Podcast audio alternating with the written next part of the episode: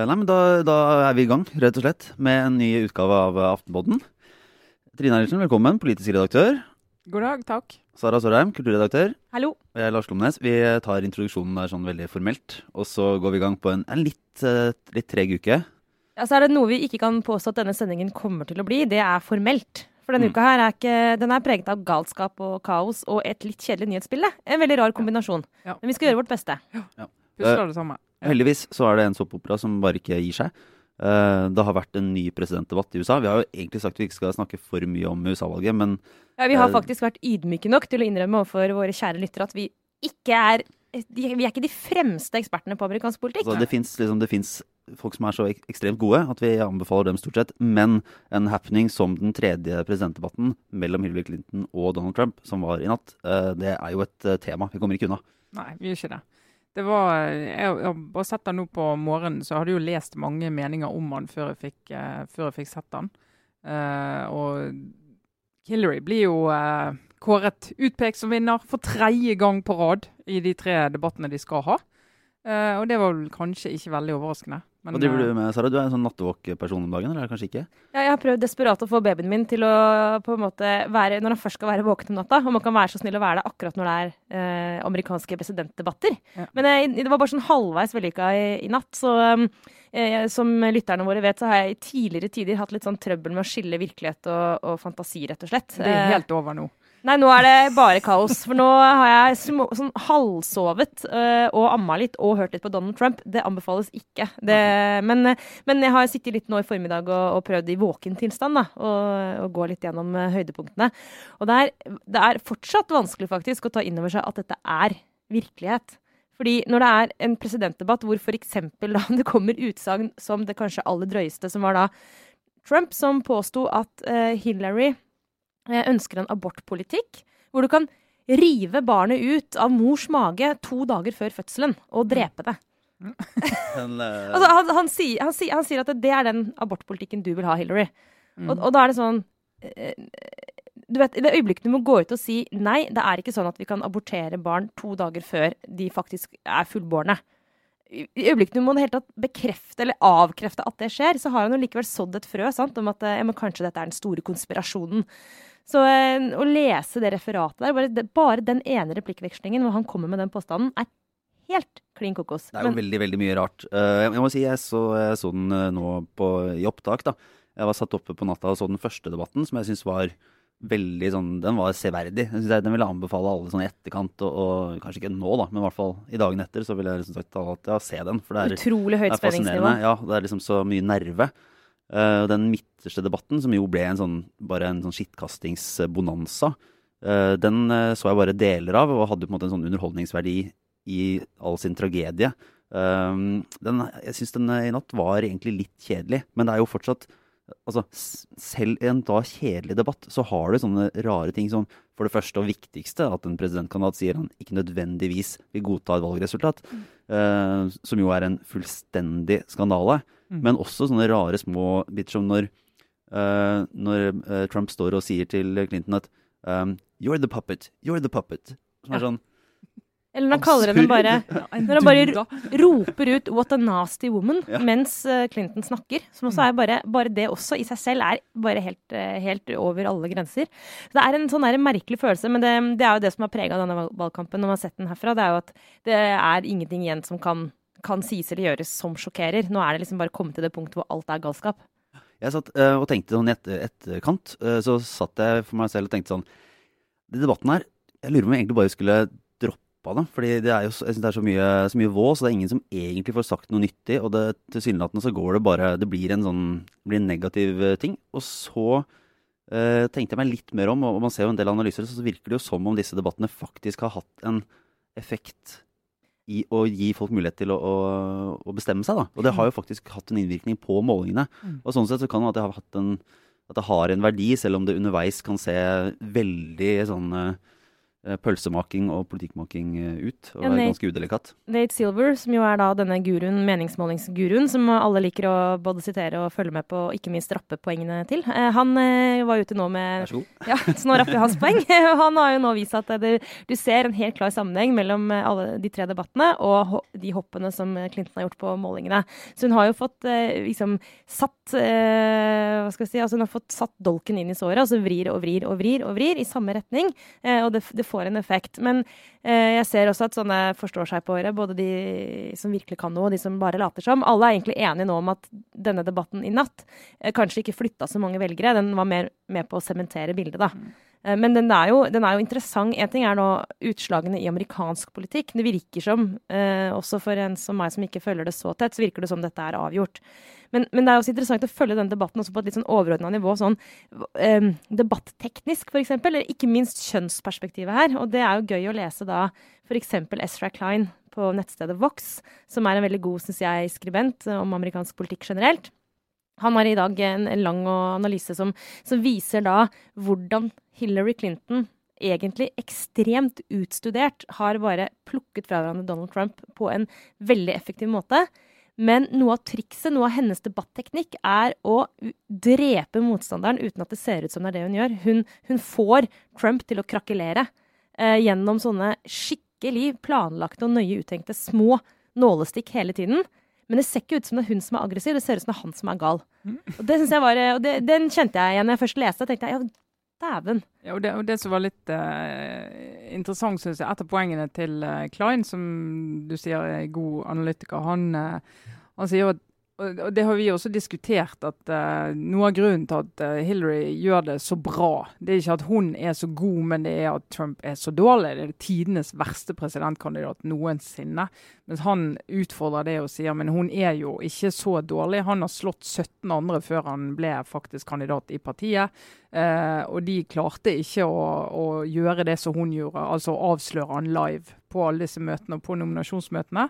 Eh, mens hun eh, har jo den evnen til å altså virkelig helt ignorere hans angrep. Det er akkurat sånn, som det er en gutt på ni år som står og skriker til henne, og hun er litt sånn ja ja, vennen.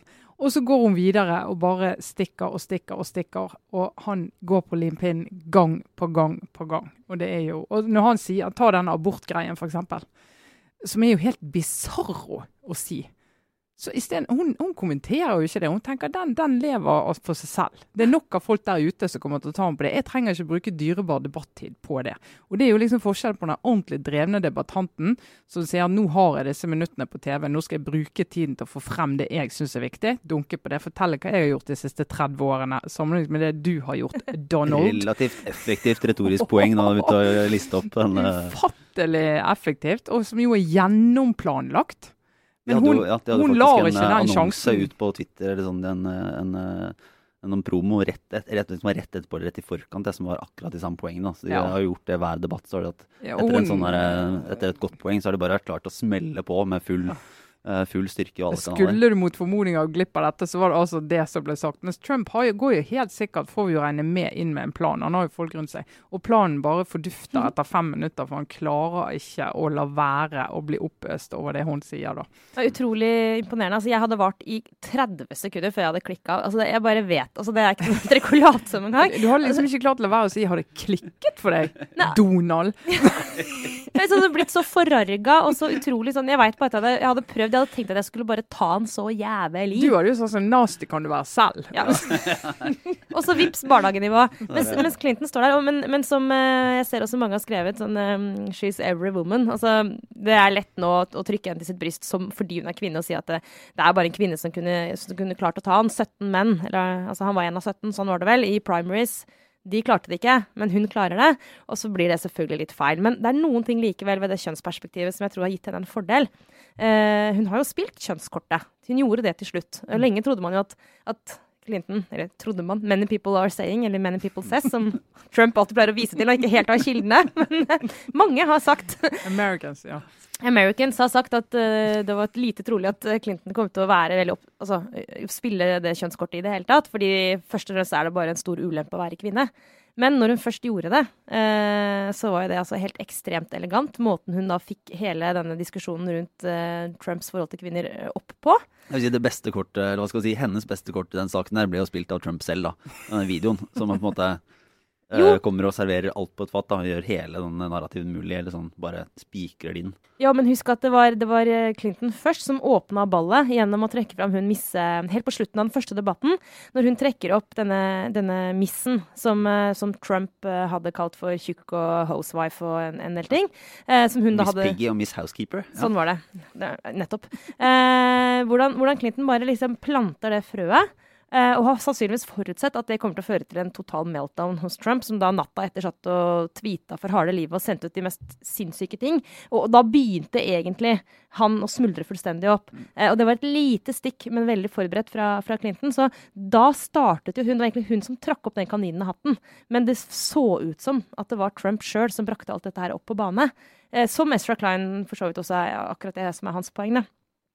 Men når hun, da, når hun da står der nå og klarer å overse alle hans eh, virkelig nedverdigende tilrop, så tenker man også på at kvinner, i hvert fall i langt større grad enn menn, da, har, eh, altså, må oftere rett og slett bare utstå og prøve å overse. Alt fra nettopp sexistiske tilrop på gata til menn som i møter eh, gjør dem usynlige. Eller som bruker diverse hersketeknikker som, som kvinner i større grad enn menn møter. Eh, og det har vært en eh, Hvor gammel er Hillary Clinton? Hun er 68? 69, Ja, ikke sant? Hun har øvd seg på dette her i snart 70 år. Så det er klart, she is prepared. Bare kom med nok en drittfyr, liksom. Kom med nok en alfahann. Kom med nok en kødd. Og jeg skal vise han at dette har jeg øvd på hele livet mitt. Hun har Så- hun levd med en sånn fyr i eh, Ikke minst. 45 år. Så hun skal møte Putin. Mr. President Putin. Ja. Ja, men altså det, så det skal ikke gjøre for mye ut av det heller. Men eh, det kan faktisk være at det måtte en kvinne til for å ta ned en mann som Trump. Eh, I hvert fall så liker jeg å tro det.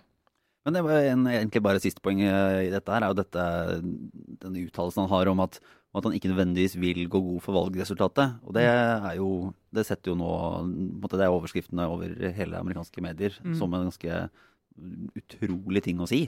Ja, Ja, gang ja, det, vi det, hørte kan, det. det kan jo være alt. Altså, det kan jo være alt eh, på hele skalaen der du sier at eh, nei, vi har lyst til å, å sjekke at liksom alle stemmelokalene var utstyrt sånn som de skulle, og det ikke var noe tull med kretsen, og mer sånn formelt. Eh, Eller det, det kan tolkes som, som eh, noen jo er mest redd for, at han på en måte oppildner folk til å ta til gatene. Sant? At du får en sånn eh, type reaksjon. Og Det er jo derfor den også ble, kan bli karakterisert som en veldig ekstrem ting å si. Men vi har jo åpenbart ikke spesielt god kontroll da, når uh, Mike Pence, visepresidentkandidaten, og datteren Ivanka Trump gikk ut på dagen og sa at ja, det er klart vi skal anerkjenne som valgresultatet og godkjenne det. Så blir spurt om det i debatten bare Nei, det får vi se på. Så da skal jeg la dere vente. Sarah Palin sa jo det er klart vi skal, if it's fair. For jeg er elsker den logikken. elegant. Men det er jo eh, helt eh, Det er kjempeskummelt, rett og slett, hvis det fører til et sånt eh, Altså, han spiller på hat og mistro og følelse av at man Altså dette skillet som vi har snakket om tidligere i Aftenpodden, mellom det man kan kalle eliten da, og folket. Litt forslitte uttrykk, men det er jo en splittelse. Du ser det gjennom eh, all, altså i, i Vesten, både i Europa og USA. Så skal man være litt forsiktig kanskje med å male altfor et svart bilde, men men det er klart, det at han helt bevisst spiller på den følelsen av utenforskap jeg bare tenker på, det En ting er nå valget nå i november, men, men hvordan skal vi lappe sammen, eller hvordan skal de lappe sammen dette samfunnet etterpå? Og hva kommer konsekvensene til de uttalelsene å være på sikt? Det er faktisk, det er ganske gufne perspektiver, hvis du liksom ser, ser for deg et par år frem i tid. Da. Og hva skal Trump gjøre nå? Skal han starte en eh, lage sånn- TV-kanal. neofascistisk TV-kanal? Mm. Ja, som skal Han gjøre han Fox News. Fox News til en sånn eh, sosialdemokratisk tenketank i forhold? Det blir fint. Nei, men vi får vel egentlig gå tilbake til eh, norske forhold, der det ikke har, har, har det- Du har rekker opp hånden, Ja, jeg rekker opp hånden, fordi jeg, jeg kom på det har, jo, men Nå er jeg på veldig tynn is som vanlig, for dette var jo i 1994, da jeg var et barn. Men uh, var det ikke sånn, Trine? Nå ser jeg på deg. Kloke Trine. på meg. EU-avstemningen. Var ikke det Senter Senterpartiet og SV? De nekta vel også å godta EU, altså utfallet av EU-avstemningen i Norge? Ja, altså Det var en diskusjon den gangen om, om du trengte å godta den, eller om du måtte ha en, et visst størrelse på flertall i Stortinget for å, for å virkelig godta det. da. Så det var en uh, diskusjon. Så helt Den, fremmed er den det ikke. gjelder jo ikke nå det- når vi diskuterer kommunesammenslåing. Men det Men, det var- ikke sånn hundefløytesignal til uh, norske sosialister og bønder om at de skulle ta til gatene dersom, uh, dersom folkeavstemningsresultatet gikk feil vei. Det håper jeg. Nei, det er sant. Det fikk ikke like store konsekvenser. Ingen som leste det sånn. Ingen som leste det sånn. Uh, nei, tilbake til litt sånn mer lokale forhold med et visst globalt perspektiv. Uh, vi har sett litt på Lest med interesse sakene som VG har hatt. egentlig i forrige uke, så jeg er litt bakpå. Men det er jo interessant likevel. Om dette det kan vel kanskje kalle det et konsulentselskap, ILPI, som har mm. vært inne i, i, bistandsbransjen. Og da har brakt litt bredere spørsmål om, om hvordan skattepenger, altså statens penger, brukes på konsulenttjenester. Og dette er jo da i, i dette tilfellet en, et lite firma bestående av tre personer som har hatt nær tilknytning til UD opp gjennom mange år. Uh, og så har etter hvert kunnet etablere et selskap som har tatt oppdrag og tjent dels svært gode penger på å gjøre en, gjøre en jobb da, og få, få, avtaler, så har VG påpekt at noen av disse avtalene eh, tilsynelatende har blitt inngått eller har fått kontrakter på veldig kort tid. Og, og stilt noen kanskje betimelige spørsmål uten at det er helt er konklusjoner om hvordan det her har gått. Ja, så har de vist også at disse konsulentene har tjent veldig mye penger på å gjøre oppdrag for UD. Som jo er da penger som i utgangspunktet kommer fra statskassa. Så de viser jo at de, det er tette bånd i Bistands-Norge, og at det er mye penger. Eh, og det er stadig mer. Altså, budsjettene øker år for år, og eh, de pengene de brukes jo litt på å hjelpe folk i fattige land, og også ganske mye på da at noen i Norge blir ganske rike. Og så er spørsmålet er det er det noen regler som er brutt? Er det ulovlig? Er det umoralsk? Eller hva er det egentlig? Og det er jo her vi for så vidt har i vår lille redaksjon diskutert litt uh, i det siste, også nå før sending. Liksom, hva, hva viser de sakene egentlig? Altså mm. Er det f.eks. gærent at UD bruker konsulenter? Burde de rett og slett latt være å bruke private firmaer på den måten der? Se på deg, Trine. Ja, nei, altså... Du elsker konsulenter. jeg elsker konsulenter. Jeg mener jo, bare for å si, si hvor jeg står, uten konsulenter stopper jo Norge, og så blir det altfor dyrt å drive med alt mulig. Eh, så konsulenter skal vi være glad for. Men det som, eh, det som jeg syns eh, Altså VG-sakene, da, mye, mye godt journalistisk håndverk i de. Um, de bekrefter jo det, det vi vet, at det bistands-, utenrikspolitisk analysemiljøet, alt som har med det å gjøre, egentlig alt som er knyttet til UD, er utrolig lite i Norge. Alle kjenner alle. Og det er en sånn pågående diskusjon egentlig, sånne, eh, blant forskere og alt. liksom det der, Hvor viktig det er å ha gode bånd til UD for å få eh, midler til forskning. og altså Norad og hele det der universet der, hvor alle kjenner hverandre og reiser rundt og bytter kontorplass hele tiden. og Innenfor og utenfor. Og så er du innenfor som rådgiver, og så er du utenfor. Og så eh, jobber du litt ute på et eller annet prosjekt. Og, så, og det, det, det er et eller annet sånn litt vanskelig å gripe, men så har jeg i hvert fall hørt snakk om i mange år at disse forskerne er, er, opptatt av å ha gode relasjoner til den pengesekken som mm. UD er. Og Det er jo også disse konsulentene. og så er det, går det sånn, Vi kan jo diskutere hvor moralsk er det å ta utbytte hvis du driver et lite firma som gjør en jobb for noen, og så får du et overskudd der og så tar du utbytte av det. Jeg har jo litt mindre problemer med det enn mange andre har. Men det jeg syns er, er, eh, problematisk i det som VG viser frem, det er jo bl.a. Altså det er veldig tette bånd, som sagt, og litt sånn uryddige og uklare um, rutiner når de skal ha, få noen til å løse en jobb for dem, mm. Eh, få en kontrakt. Det virker som de går litt for raskt, og de går til folk de kjenner. Og Det er liksom alt det som handler om innkjøpsreglement og utlysningsreglement. Det er litt sånn uklart for meg i hva grad de er, er veldig veldig og du kan jo, gode på det, da. Kan du, kan jo si at uh, hvis det nå uh, Det kan godt hende at det ikke er noen regler som er brutt, at det formelt sett er helt i orden. Men du kan jo kanskje også si da at bare det at man ikke helt vet, bare det at det er så lett å Bare det at det ser eh, såpass uh, ufint ut som det faktisk gjør, er uprofesjonelt. Altså Der bør eh, UD, som sitter på den betydelige pengesekken, bare sørge for eh, transparens og åpenhet, og at de er tydelige, sånn at det ikke lenger sånn at Den typen saker ikke trengs å lages. Nei, altså, det er jeg helt enig i. Og så er det jo det er mye penger i det systemet. Og det er penger som ikke er så lett å ettergå effekten av. Sånn har det vært innenfor bistandsområdet nesten alltid. Det er veldig sånn ja, litt forskjellige nivåer på de evalueringene på effekten av den uh, type prosjekter. Uh, men så, når det kommer til selve konsulentbruken, da, uh, så er det jo flere gode argumenter for at alle virksomheter skal bruke konsulenter, istedenfor å ha folk på innsiden fast ansatte. Ja, hva da egentlig? Nei, kan, du holder på med noe i en tidsbegrenset periode, et prosjekt, et eller annet som du skal ha løst. Eh, og Hvis du skal ansette et menneske for det, så skal du også ha det mennesket ut i et arbeidsliv, kanskje, uten egentlig å ha så veldig mye oppgaver å gi til det mennesket. Eh, og det er fornuftig å bygge opp et type arbeidsliv der du kan hjelpe hverandre over toppene, hvis det er det det er snakk om. Og konsulenter kan gjøre det. Pluss at de er ofte spesialister på ting som de på innsiden ikke er spesialister på. Mm. Eh, altså når vi skal redesigne Aftenposten fullstendig, så henter vi jo inn en konsulent som kan hjelpe oss å jobbe med avisdesign på heltid. Mario Garcia heter han. Ja. ja, da kommer han inn og gjør det. Og Hvis vi skulle liksom ansatt han og hatt han her når vi redesigner avisen som var tredje år, du vet det er meningsløst. sant? Sånn at det, det er veldig, veldig god, god bedriftsøkonomi å bruke konsulenter på en del oppgaver. Men du skal være litt nøye på hva oppgaver du bruker det på, og du skal være nøye på begrunnelsen, selvfølgelig, sånn for å forstå det. Det er jo litt fascinerende at eh, eller det som, er, det som viser seg, er jo at innenfor, innenfor eh, bistandsarbeid og det som er, er utenriks, så er det på en måte en sånn et eh, fritt rom da, å, altså der man følger helt kommersielle regler for konsulentbruk, eh, samtidig som man avkrever alle andre liksom, litt lenger ut i leddet, da, altså typiske organisasjoner og andre, en veldig sparsommelighet.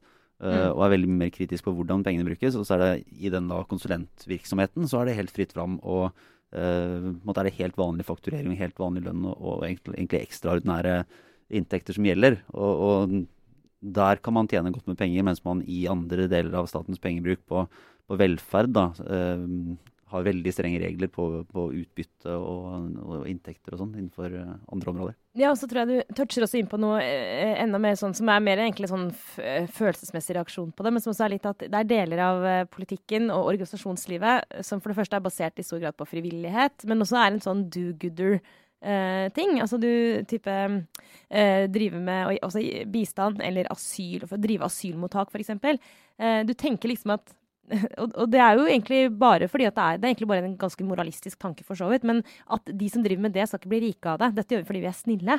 Uh, og den der, den der, klassiske oppfatningen om at uh, det er en, en, slem ting å bli rik, den merker jeg at den sliter jeg veldig med. For jeg, det er jo i min intuitive reaksjon er at jeg syns det ser skikkelig stygt ut å tjene seg rik på å drive asylmottak. Jeg, jeg er bare grunnleggende mistenksom, syns at det virker helt feil. Men jeg har ikke noen rasjonell grunn til det, annet at det bare, man tenker at det her skal være folk som skal liksom eh, ofre seg for god altså, sak. Det, det er jo rasjonelt å, å mene at uh, en god del av de overskuddene der kunne vært brukt til å, å si, bygge enda mer asylmottak. Nå trenger vi på ingen måte det, tvert imot. Uh, men at du kunne dratt pengene tilbake igjen og inn i det som er kjernedriften og øke kvaliteten. Så en diskusjon i Bergen nå, det er en barnehage, en privat barnehage der foreldrene er så misfornøyd med kvaliteten. Eh, og de eh, vil jo at eierne skal bruke en større del av det de pleier å ta ut i utbytte på å øke kvaliteten i barnehagen. Mm. Uh, og at liksom utstyret alt skal være bedre. Da. Og da har du en interessant diskusjon. Som jeg mener, Da henger ting sammen. Sant? Jeg mener det er helt rimelig å kreve, hvis de gjør det. og så er det mye av det som egentlig ikke er en del av et marked som vil regulere seg selv. da. Mm. Så at man bruker faktisk dytter inn så mye penger, og så kommer det ikke, altså kommer ikke alt det til det oppdraget man har bestemt at skal gjøres på et helt egentlig idealistisk grunnlag da, og som, som, hjelp i tilfelle asylmottak. Men, en annen, men nå, dette er en, en, litt annen side av saken, men som kommer opp nå også, er jo da nettopp i denne delen av politikken og organisasjonslivet hvor det er mye frivillighet, så har du jo nå f.eks. TV-aksjonen. Som uh, går til Røde Kors i år. Dette er en litt annen diskusjon, men det er faktisk en side ved litt av det vi snakker om nå. Hvor man da uh, Folk går ut og samler inn penger. Man oppfordrer alle til å gi penger til Røde Kors. En flott sak. De gjør kjempemasse bra arbeid. Men Røde Kors er jo en kjemperik organisasjon som har utrolig mye penger. De har rett og slett veldig mye egenkapital. Eh, og så På toppen der sitter det jo mennesker som forvalter mye penger, og som, og som får også mye statsstøtte. Så er det den kontrasten igjen mellom at du har da en, en, rik organisasjon med folk som tjener penger, samtidig som du appellerer til folks samvittighet og frivillige innsats i andre enden. Ja. Eh, og det er jo den, nettopp den derre å holde tunga rett i munnen. Og det her kanskje jeg mener at den typen journalistikk som VG gjør, eh, som er veldig viktig og god, noen ganger kan ramle opp i det moralistiske, da, hvis ikke du klarer helt å skille mellom hva er det som bare føles feil, og hva er det som er faktisk feil. Ja, så, eh, så det Bistandsaktuelt har jo også, som de selv skriver, da, har jo dekket denne problemstillingen eh, lenge. Det bruker de jo tid på å understreke når de skal kommentere VG sin dekning. Eh, men de, de, stiller jo litt sånn spørsmål med den litt moralistiske inngangen på det. Sånn, så særlig kommentarjournalistikken til VG. da. Um, hvor de uh, mener at altså VG helt ser bort ifra at det er noen grunner til å bruke konsulenter. Det, måte, det, det fremstår nærmest som om UD bruker dem fordi det er noen venner av de som jobber i UD som har lyst til å tjene gode penger. Uh, og du, du, og det, det, er litt sånn enkel måte å si det på, men uh, det er noen perspektiver her som handler om grunnen til at du velger sånn ekstremt. For noen av de er jo veldig sånn spesialister innenfor land eller områder eller oppgaver i de landene som er få av. Og mennesker og kunnskap det er lite av det koster mer penger enn annen kunnskap. Kan jo ta og dele en, eh, en, interessant kommentar fra Bistandsaktuelt, som også har dekt uh, liksom, flere lignende saker. Mm, som er et uh, tidsskrift veldig... for nettopp uh, som dekker dette, denne bransjen. Ja, mm. Det aktuelle innenfor bistandsfeltet, rett og slett. Nei, det er faktisk et veldig bra blad. Du, det må vi altså, Bistandsaktuelt og Kommunal Rapport, for de som virkelig har lyst til å gå i dybden på ting vi er bare innom innimellom. De er jo fagblader. Ja, det kan anbefales. Trine, Trine tilhører den lille, lille, ja. lille gruppen i samfunnet som syns at Kommunal Rapport er mer pirrende enn en Aktuell rapport. For å dra en gammel vits. Aktuellrapport rapport det mest pirrende. Fins det? Jeg tror kanskje ikke det fins lenger. Får håpe det har gått inn i takt med eh, hva skal vi si, feminismens framdrift her i verden. Ja. Ja. Uh, nei, men det var vel egentlig Men nå vi får gå videre til ja. en uh, kjent og kjær uh, spalte. vi har et godt, men ubekreftet rykte. Vi må ta litt selvkritikk for, for laber innsats på ryktefronten de siste ukene. Der har vi vært for dårlige. Det må jeg bare si. Bare vent, jeg er ferdig med fødselspermisjonen min, så skal jeg gå ut og finne noen gode ubegrepte og rykter, kjære lyttere. Men eh, nei, altså det det handler om, bare for å ta det med en gang, det handler om helseminister Bent Høie. Jeg, jeg vil si det handler om han. Mm. Og han det er delte meninger om hvem, det, ja. hvem som egentlig er i ja. sentrum her. Og det, her er svært gode kilder på dette ryktet, bare så det er sagt. Men han jobber jo i nabohuset til uh, VG og Aftenposten. Vi bor i samme hus. Aftenposten her i femte-sjette etasje, og VG-etasjen over der. Og vi har en garasje i kjelleren der en del ansatte i VG og Aftenposten har mulighet for å parkere. Ja, En del ansatte, Trine. Altså sjefene. Ja, og fotografer og litt ja. sånne folk. Og så um, er det jo uh, når vi skal kjøre inn i den garasjen, da, eller de som har parkeringsplass skal kjøre inn i den garasjen, så må vi gjennom en bom. Og dette etter 22. juli er Oslo sentrum og rundt disse bygningene, regjeringskvartalet, er jo blitt veldig vanskelig å, å, å forflytte seg i. Så der er det en bom og en liten sånn vaktmann. Og han passer på eh, at eh, ingen kjører forbi her akkurat når statsrådene Og det er jo stint med statsråder i de bygningene rundt oss. Bent Høie og Jan Tore Sanner og ja, et par til som sitter her i de husene ved siden av. Så når de, deres statsrådsbil liksom kjører opp til departementet, og statsråden skal ut, så stopper alt opp. Det går ikke bommen opp sånn at de skal inn i Akersgata 55 kan kjøre inn. da. Og her i forgårs så regnet det noe helt grassat, og så sto denne statsrådsbilen der. Og da var det jo en del ansatte i Aftenposten og VG som sto i denne bilkøen. Og statsråden kom jo aldri. Og da sitter, du, sitter man inne i bilen og så tenker du Hvilken statsråd er det? Jeg skal klinke når han kommer. Omsider. Og tiden går, det går fem minutter, det gikk altså så lang tid, da. Og køen tilbake lang. Plutselig kommer en fra VG løpende. 'Hva er det som skjer?' Sant? Og så er det jo bare jo, det er statsråd ut. Å, statsråd ut! Og så kommer jo Bent Høie da, løpende ut fra departementet i regnet, og omsider setter seg i den bilen. Altså. At alle får lov å kjøre inn i garasjen sin. Og da var det jo Eh, sier de gode kildene, da, at det var jo en voldsom snakkes i heisen opp inne i garasjen. At herregud det, det, det, det nivå helt, i norsk mediebransje. Det er jo blitt helt Sovjet! altså, bransjen på sitt minst sjarmerende, sannsynligvis, i den der køen der. Og så er det sånn, du tenker sånn hvordan, altså, Ærlig talt, liksom. Fjerde statsmakt. Vi er viktigere. Vi, vi må tenker, komme frem. Hvis du har, hvis du har et ilandsproblem, og så har du den på en måte i øverste, øverste, øverste, øverste Ja, vi er på øverste nivå av eh, behovshierarkiet til uh, nederste. Ja, nederste, da. Men da, eh, da tenkte jeg Bent Høie, få ræven i gir. Hvis det kommer en ekstremt krass leder mot Bent Høie, enten i, i, Aftenposten eller VG de neste dagene og ukene, så kan jo vi da gi våre lyttere et eksklusivt tips om at det skyldes helt andre ting enn politikk. Ja. Eh, men vi har litt obligatorisk refleksjon inn i helgen. Ja, vet du, vi har et uh, innlegg på trykk i Aftenposten i dag som jeg syns er uhyre interessant uh, på mange måter. Det er en debatt som vi har dekka lenge, og vi har snakka om det her uh, for noen uker siden òg. Det er det som skjedde i kjølvannet av Vigdis Hjort sin bok, hvor hun, hvor hun rett og slett skriver veldig mye om sin nære familie og om ganske kjipe ting, og så er det lett å identifisere hvem hun beskriver. Og så har det vært en debatt ikke sant, om hvor langt har du lov til å gå Virkelighetslitteraturen. Ja. ja. Eh, I dag så er det kona til ekskona, veldig viktig distinksjon, ekskona til en eh, forfatter, ja det står jo i saken hvem han er, Geir Gulliksen, som har skrevet en bok om et ekteskap som gikk i stykker.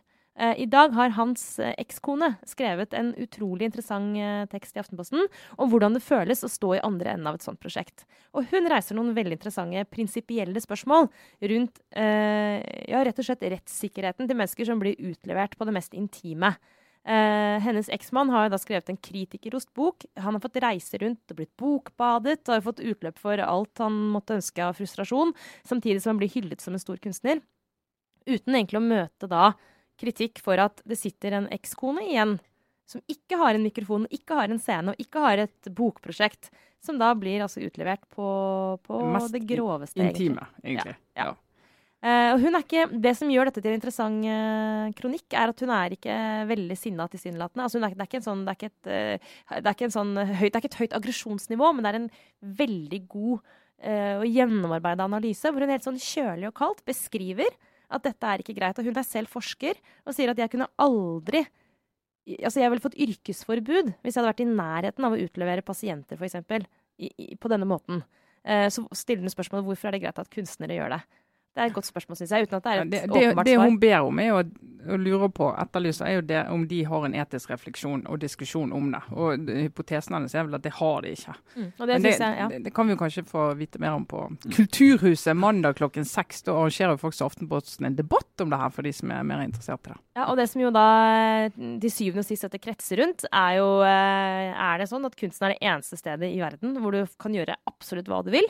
Eh, og det tror jeg faktisk at jeg mener at svaret er nei. Du kan ikke gjøre absolutt hva du vil. Men eh, det er sinnssykt provoserende for veldig mange kulturfolk. Det var vel en, en betraktning om, om dette på en måte blir en uh, ytterste konsekvens en litt sånn en sofistikert form for hevnporno. Der man kan, eh, kan, eh, kan gå i rette med gamle forhold og utlevere ja. og i det hele tatt eh, sette ting eh, på plass. Da, i Men det- en, men, men, eh, men eh, det er jo i og for seg en større debatt, vi trenger ikke å ta hele rekka. Men eh, spørsmålet er jo ja, ok, hvis man ikke kan gjøre det, hvordan er det skal regulere det, da?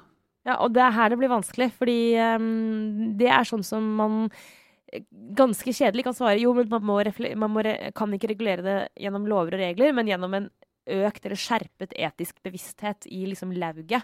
Men, men det er faktisk mulig å få til. Altså det å, å sørge for å ha at forlagsredaktører for eksempel, forholder seg til etikk, sånn som Mm. avisredaktører. Mm. Eh, I dag så er det nesten aldri altså Det er altfor sjelden et eh, diskusjonstema i, i kulturlivet. Mm. Eh, bokbransjen eh, sier bare veldig ofte, sånn som i denne saken i dag også, nei, vi har ingen kommentar, kunsten er fri. Ferdig.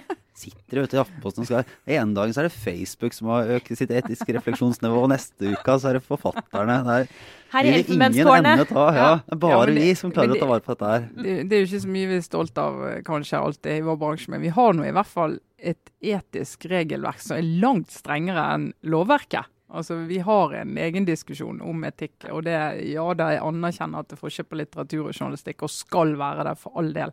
Men nytten av å ha eh, en etisk diskusjon, og hvordan sier hva effekt får dette, hvordan virker det, altså, det, det har jo en verdi, og du trenger ikke lover eller regler eller noe som helst for å liksom gå inn i det eller regulere det. Det går an å jobbe med det innenfor et yrke om du vil, da, hvis man er interessert i det. Men det, det er jo kanskje ikke så lønnsomt å være interessert i det. Det, det er det ikke. Men på mandag, så er det, bare for å gjenta egenreklamen, så har vi altså debatt på Kulturhuset om akkurat dette, med bl.a. Aftenpostens Ingunn Økland, som dro i gang hele denne Startet debatten. hele, ja. Så det har jeg tenkt å faktisk prøve å få med meg sjøl òg, så jeg, velkommen skal dere være. Eh, og så kan vi kanskje nå også si at vi prøver å få til et sånt eh, førjuls, eh, førjuls eh, direktesendt podkasteventyr på samme sted sammen med kollegaene våre i eh, VG, i Jæver og Joffen. Men det kommer vi tilbake til. Men vi kan jo tease nå og si at vi tror vi, Vi får har en ambisjon om å få dette til, og Ja. jeg tror det skal kunne gå. Ja. Ja. Eh, Jeg kan jo, jeg har, det er jo fortsatt litt innenfor kulturfeltet, da.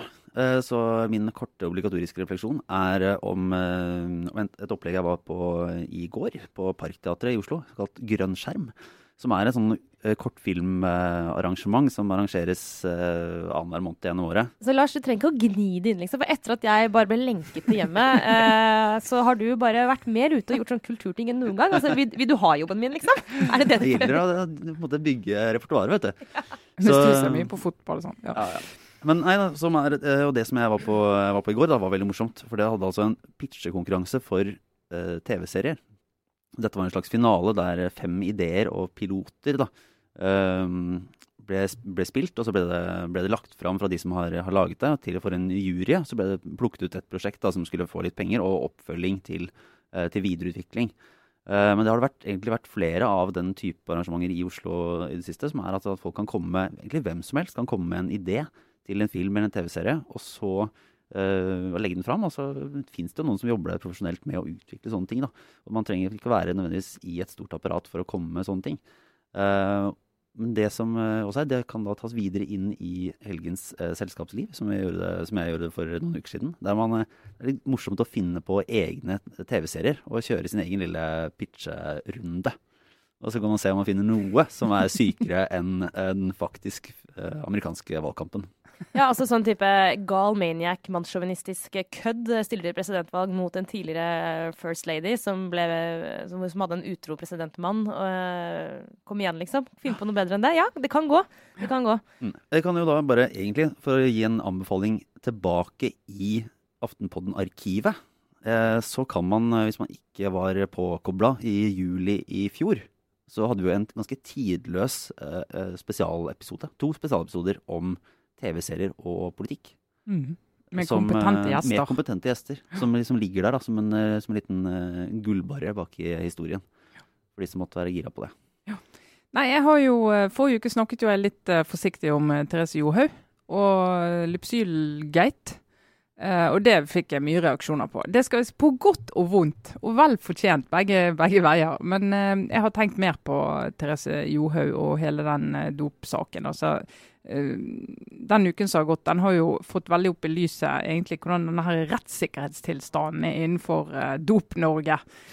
Og det jeg må jo si, selv om jeg mener utøveren har et selvstendig ansvar, objektivt ansvar, og, og du må liksom ta konsekvensen av alt du har vært borti, og alt det her, men Men jeg syns jo det er veldig spesielt at man så tidlig i det systemet på en måte straffer eh, utøveren. Altså før du har gjennomført noe som kan ligne på altså Det er jo ikke en rettssak på den måten, men en full prosess. da, Hvor liksom alt er Du er dømt ordentlig. Og jeg mener jo at det må jo være som andre steder i verden, at du er jo eh, uskyldig inntil det motsatte er bevist. Altså Du blir jo ikke dømt i Norge fordi at politiet sikter deg for en eller annen handling. Nei, mens Johaug er jo nå suspendert i to måneder og tas ut Ja. av konkurranser. Og, Ja, det er klart ja. jeg kan få Det ser jo jeg, jeg med min eh, Jeg har empati for Johaug, bare for lov å si det. Eh, og ser jo, men mer sånn uansett om det er Johaug eller andre, da, de konsekvensene det får for en sånn karriere som hun har.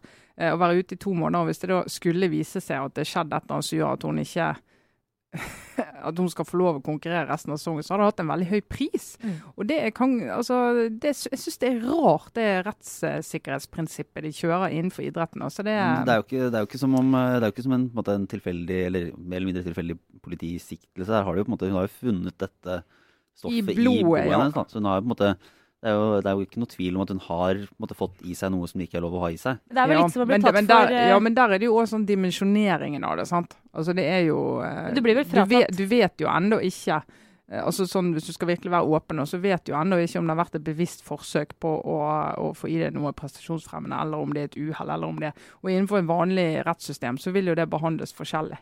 Men du, du åpner på en måte ikke for det når du får en så sterk reaksjon så tidlig. Du kan jo ikke ha, ja, Det her kan vi diskutere i timevis. Ja, men jeg har nemlig Lov gått litt andre veien enn Trine siden Ja. forrige uke. Fordi nå er jeg bare blitt sånn, for det første helt sånn svartsynt. Jeg tror hun får en streng dom. Jeg tror hun ikke kommer tilbake. Jeg tror ikke jeg får sett henne i Lahti. Det irriterer meg noe veldig, men det er nå én en ting. Men, um, men jeg har faktisk eh, Jeg har faktisk nå landa litt på at uh, hvis den historien som de har lagt frem er riktig, så er det også så stor uaktsomhet i omgang med den der medisinen at jeg nesten tenker at vet du hva, det er faktisk så uprofesjonelt at jeg syns fortsatt veldig synd på henne, men at jeg, jeg har liksom hella litt mot at uh, hun må ta litt større ansvar sjøl enn det hun gjorde på pressekonferansen. Ja, Det må hun. Det, altså, Ja. det er jo helt enig i. Der er vi jo, det er jo enig fremdeles. Ja, ja. Jeg, jeg, jeg hadde liksom ikke trodd at Trine hadde vippa av i sånn Nå må vi verne om Nei, Johaug. nei, nei, nei, det er ikke det, men det er bare Ja. Mm. Nei, vi, tar, vi fortsetter den gjennom resten av vinteren, tror jeg. Ja, vi gjør det. Det var varer en god stund. Ja.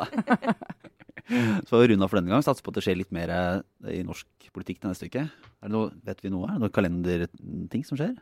Nei, Du må jo snart begynne å snakke om budsjettet. Jeg skal det ikke snart begynne å krangle litt? Eh, Når skal småpartiene gjøre det de er satt til jorden for å gjøre, nemlig lage helvete rundt budsjettprosesser? Mm. Som jo eh, vi syns er en slags blanding av veldig er frustrerende og en fest. Forsvaret er jo en del av høstens budsjettprosess. og Nå går vi de der over i et ørlite redaksjonsmøte i Aftenpodden, så nå tror jeg vi skal takke for oss. Rett og slett, og si ha det bra eh, til, eh, til dere der ute. Fra Trine Eilertsen, Sara Sørheim og meg, Lars Glomnes. Ha det bra.